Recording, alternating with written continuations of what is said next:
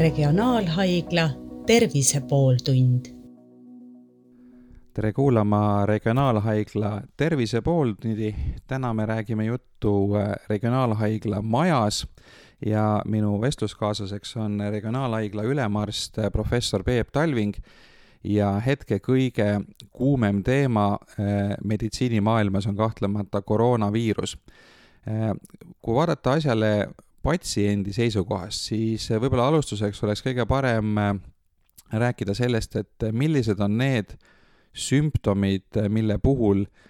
peaks patsient koroonakahtlusega siis arsti poole pöörduma, sest on ju väga palju muidki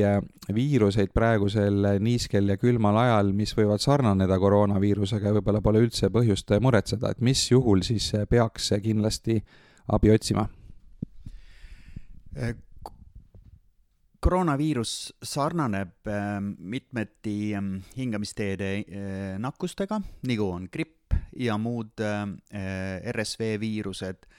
Ja tavaliselt kaasneb köha, nohu, palavik. mis on natuke eristav koroona puhul, on see, et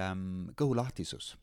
Kõhulahtisus on teine märk, mida, mida, märk, mida ei ole varem nagu ütleme, hingamisteede infektsioonide puhul täheldatud ja kui me vaatame Hiina andmeid, siin tehti just pressikonverents, tehti äh, ja selle andis siis tähendab Hiina professor, kes siis haldas seda, seda epideemia algpunkti. ja nende andmetel, mida nad raporteerisid siis kaheksakümmend, kaheksakümmend protsenti haigetest ei vaja äh,, ei vaja äh, intensiivravi ja neid võib siis tähendab äh, isoleerida kas kodus või siis haiglas need, kellel on mingisugune, ütleme, organpuudulikkus, kas see on siis, eh, kas see on siis ähm, hingamisteede puudulikkus, ei suuda piisavalt ära, eks ole, hapnikustada oma vererakke ja need on nagu hetked, millal tuleb otsustada, et jah, ma vajan haiglaravi, kui ma, kui mul on valu rinnus, õhupuudus või ei suuda, ütleme, kõhulahtisuse tõttu ei suuda piisavalt vedelikku saada, need on juhud, kus äh, tuleb äh, abi otsida. ja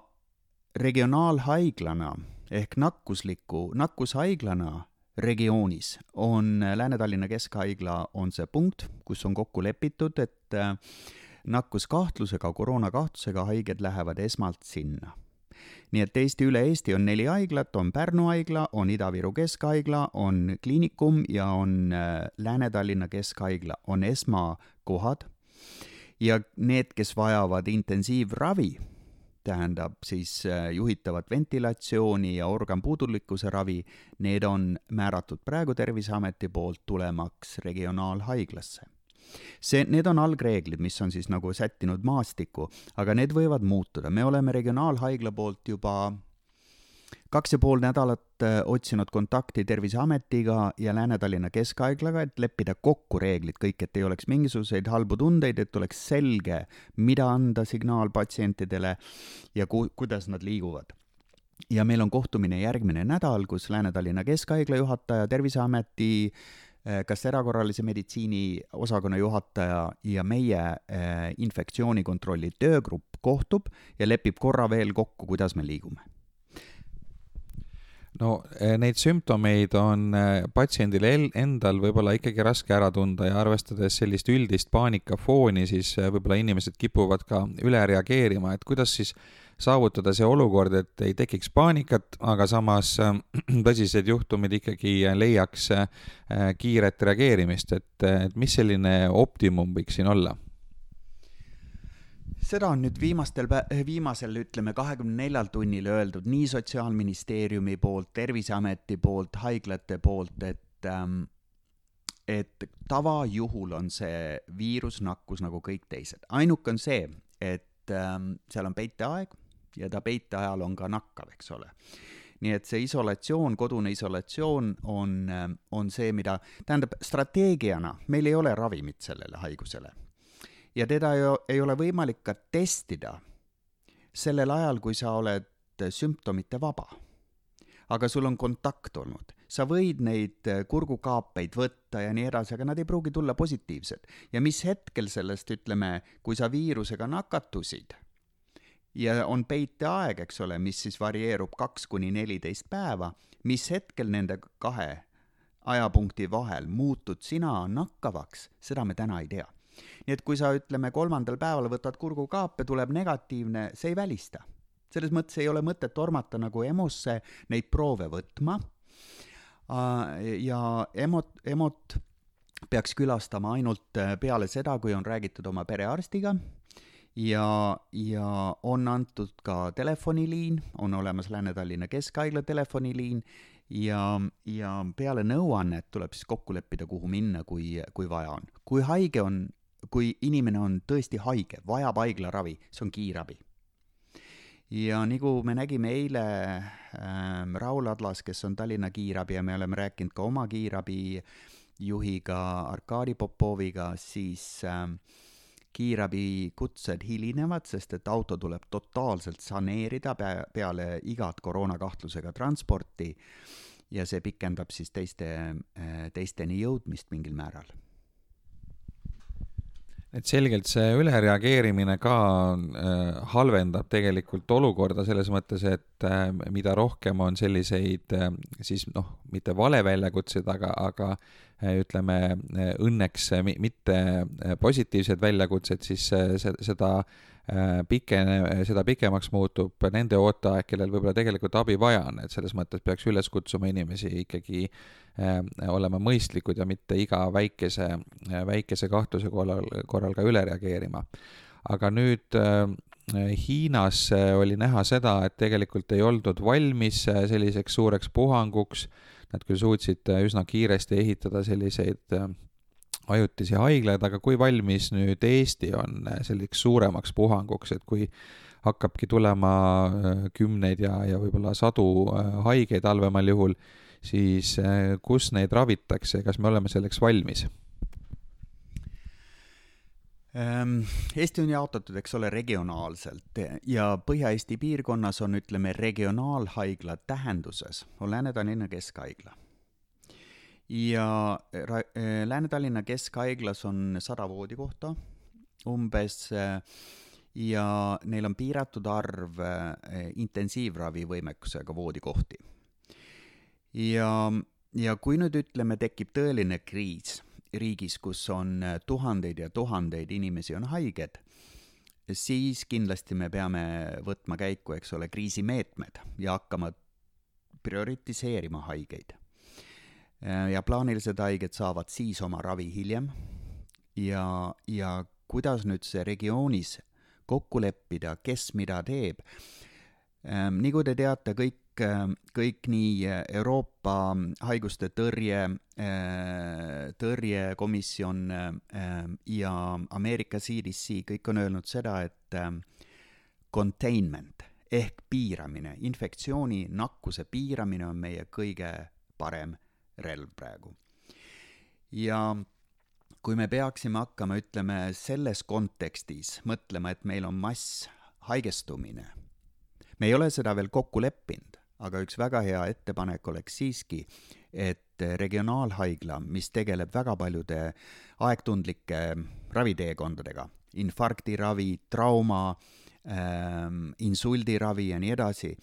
kui see haigla peaks olema, ütleme, nakatunud ja me hakkame seda, toimepidevus hakkab katkema, siis see on, ütleme, suur probleem. suur probleem on ka, kui keskhaigla ennast selles regioonis peaks sulgema, aga ma mõtlen just seda, et see mõte containment ehk piiramine ühte kohta kui see oleks kokkulepe, Terviseamet, Lääne-Tallinna Keskhaigla, Ida-Tallinna Keskhaigla ja Regionaalhaigla lepivad kokku, et jah, Lääne-Tallinna Keskhaigla on see koht, kuhu kõik haiged kontsentreerida ja me võime võtta rahulikult üle Lääne-Tallinna Keskhaigla kirurgia, sisehaigused ja nii edasi. see on nagu mõte, mis on majas tekkinud meil, see ei ole kokku lepitud, aga see oleks mõistlik mõte, sest see tähendab just seda, et me jätame selle kolde ühte majja. no samas, kui vaadata äh, suremust, siis tegelikult on palju räägitud ka sellest, et äh, võrreldes äh, mitmete teiste haigustega on siiski neid surmajuhtumeid koroonaviiruse tagajärjel nii absoluutnumbrites äh, suhteliselt vähe kui tegelikult ka protsentuaalselt, et tegelikult kui riskirühm ehk äh, vanemad ja haiged inimesed kõrvale jätta, siis selliste nooremate ja, ja keskealiste inimeste hulgas on, on see äh, üsna, üsna madal. et, et et millest ikkagi nii suur paanika selle asja ümber, et tegelikult iga-aastase gripi tagajärjel on ju ohvrite arv äh, üldjuhul suurem kui, kui praegu koroona puhul ähm,? nii nagu epidemioloog või tähendab jah, Terviseamet eile ütles, eks ole, et circa kümme tuhat inimest iga aasta äh, haigestub grippi ja gripi suremus siiski on kuskil seal ütleme ühe protsendi ringis äh,.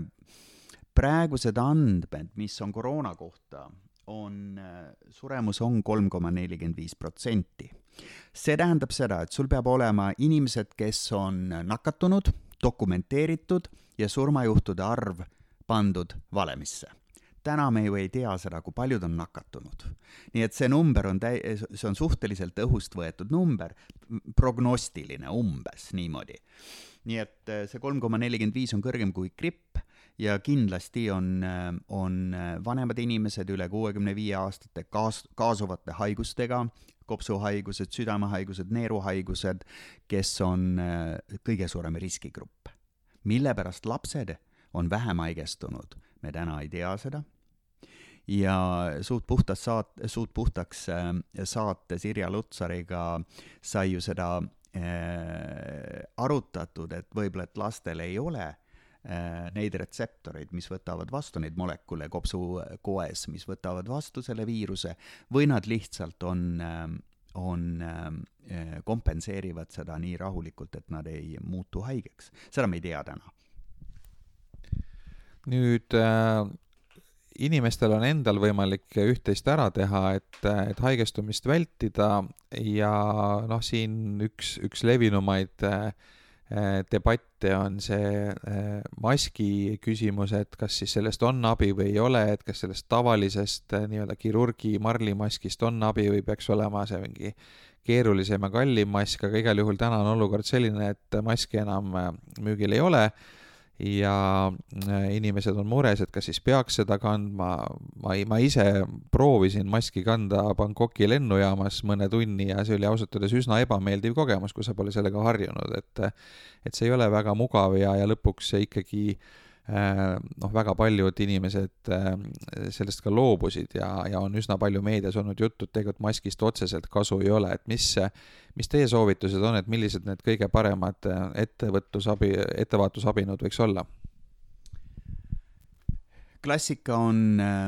köhaetikett, see tähendab seda, et mitte köhida teiste peale, kui, kui oled sümpt-, sümptomitega. oled haige ja teine pool on siis oled terve, räägime mõlemad läbi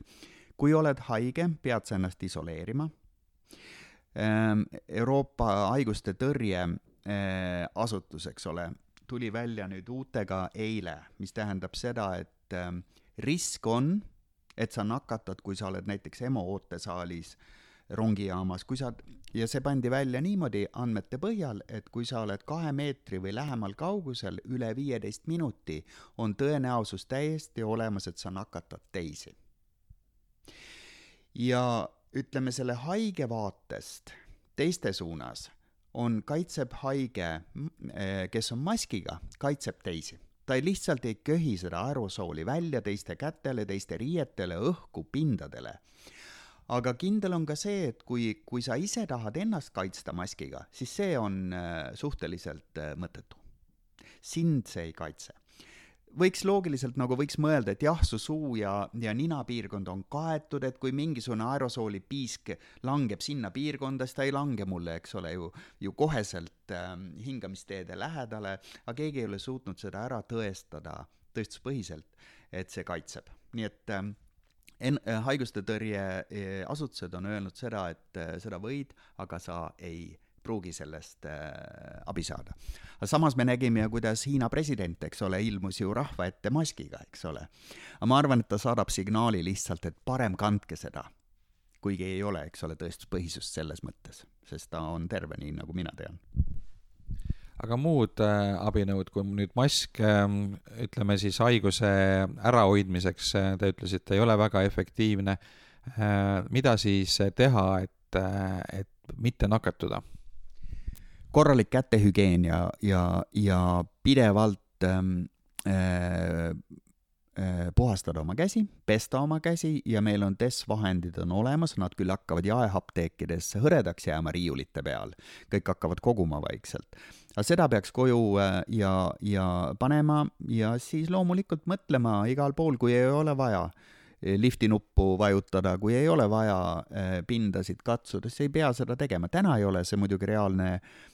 ohukoht, eks ole, aga kui meil peaks olema kriis nakkushaigusega riigis, äh, siis on need mõtted täitsa pädevad. nii et äh, kätehügieen, köhaetikett, hoida, eks ole, tihedast äh, rahvamassist eemale ja elada mõistlikult vaikselt oma elu sellel ajal, kui peaks sündima kriis. täna hetkel ei ole seda veel, õnneks. nüüd väga emotsionaalne teema on reisimine ja paljudel inimestel on, on puhkusereisid äh, plaanitud ja piletid ostetud ja nüüd äh,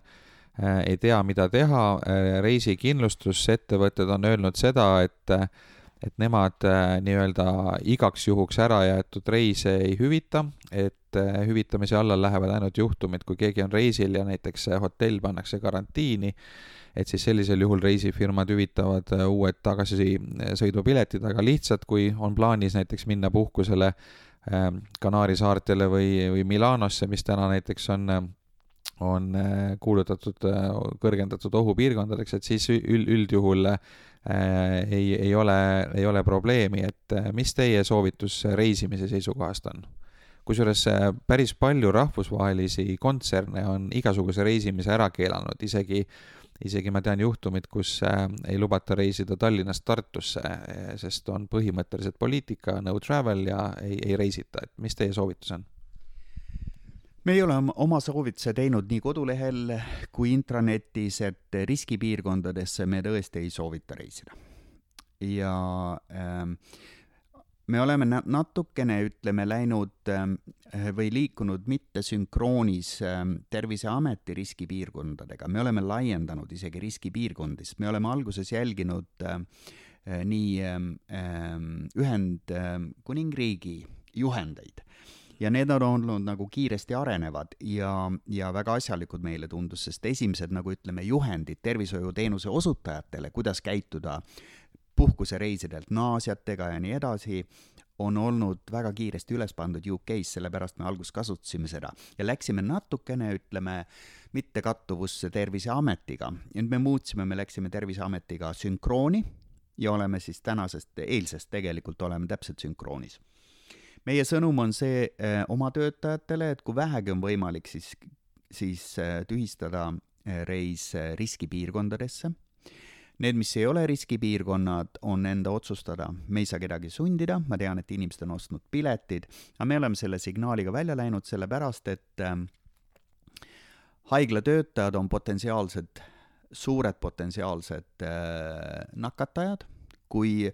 kujutada ainult ette, et äh, on polikliiniline vastuvõtt ja, ja mul on nelikümmend haiget, kes tuleb ja kui mina nakatan siis see on totaalselt äh, vale printsiip, eks ole. nii et me oleme võtnud selle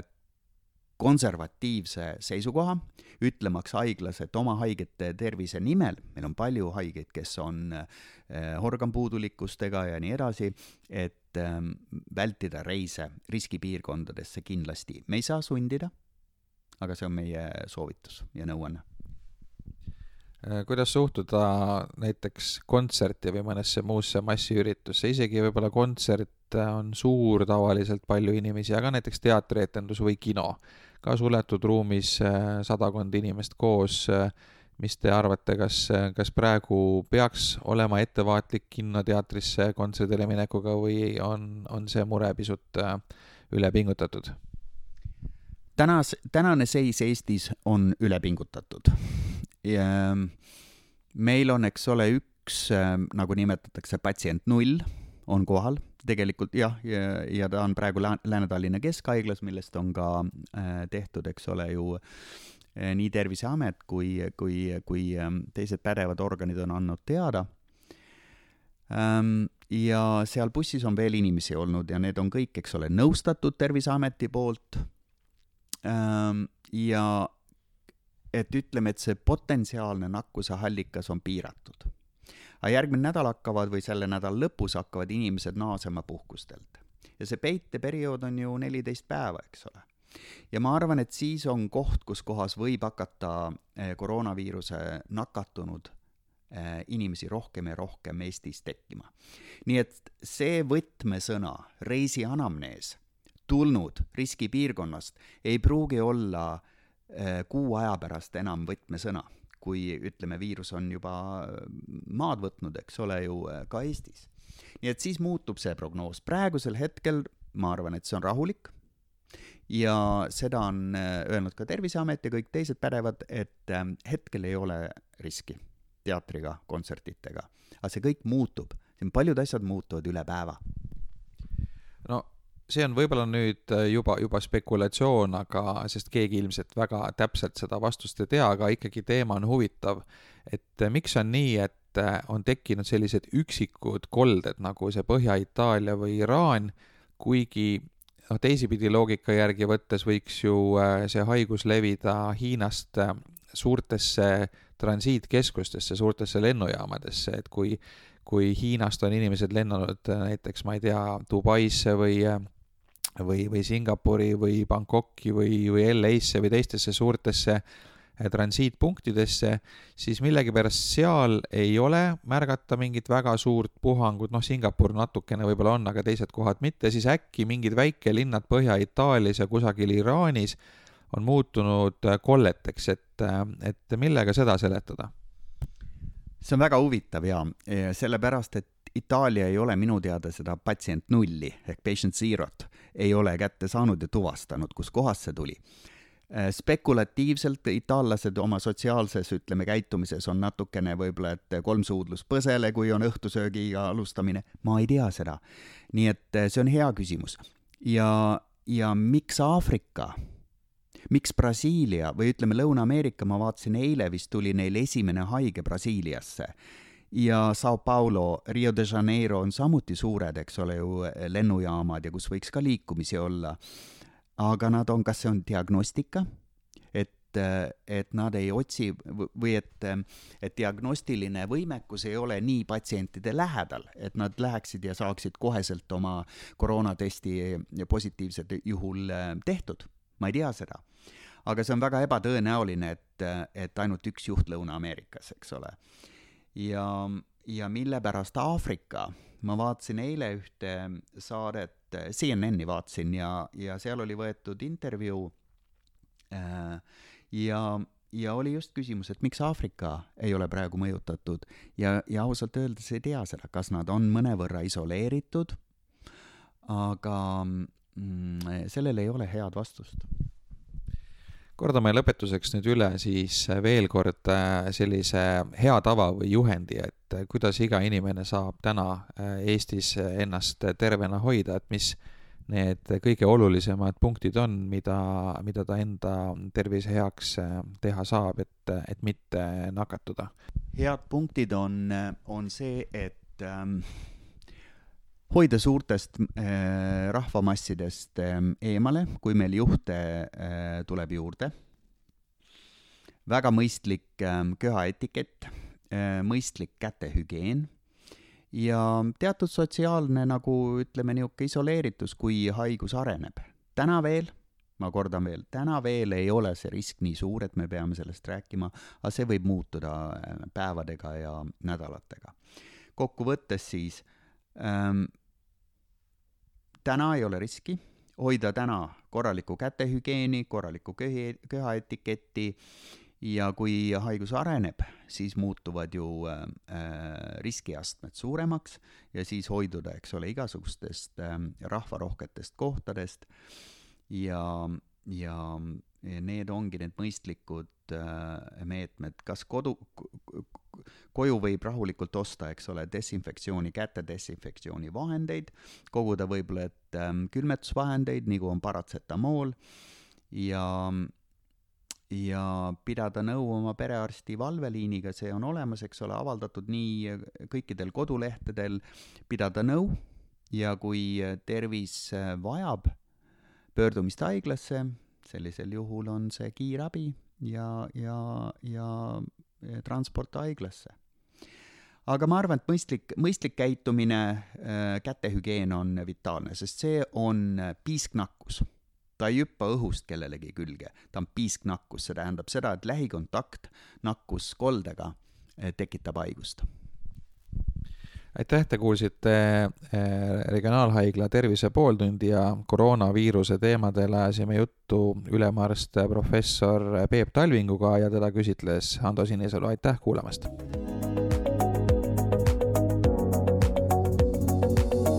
regionaalhaigla Tervise pooltund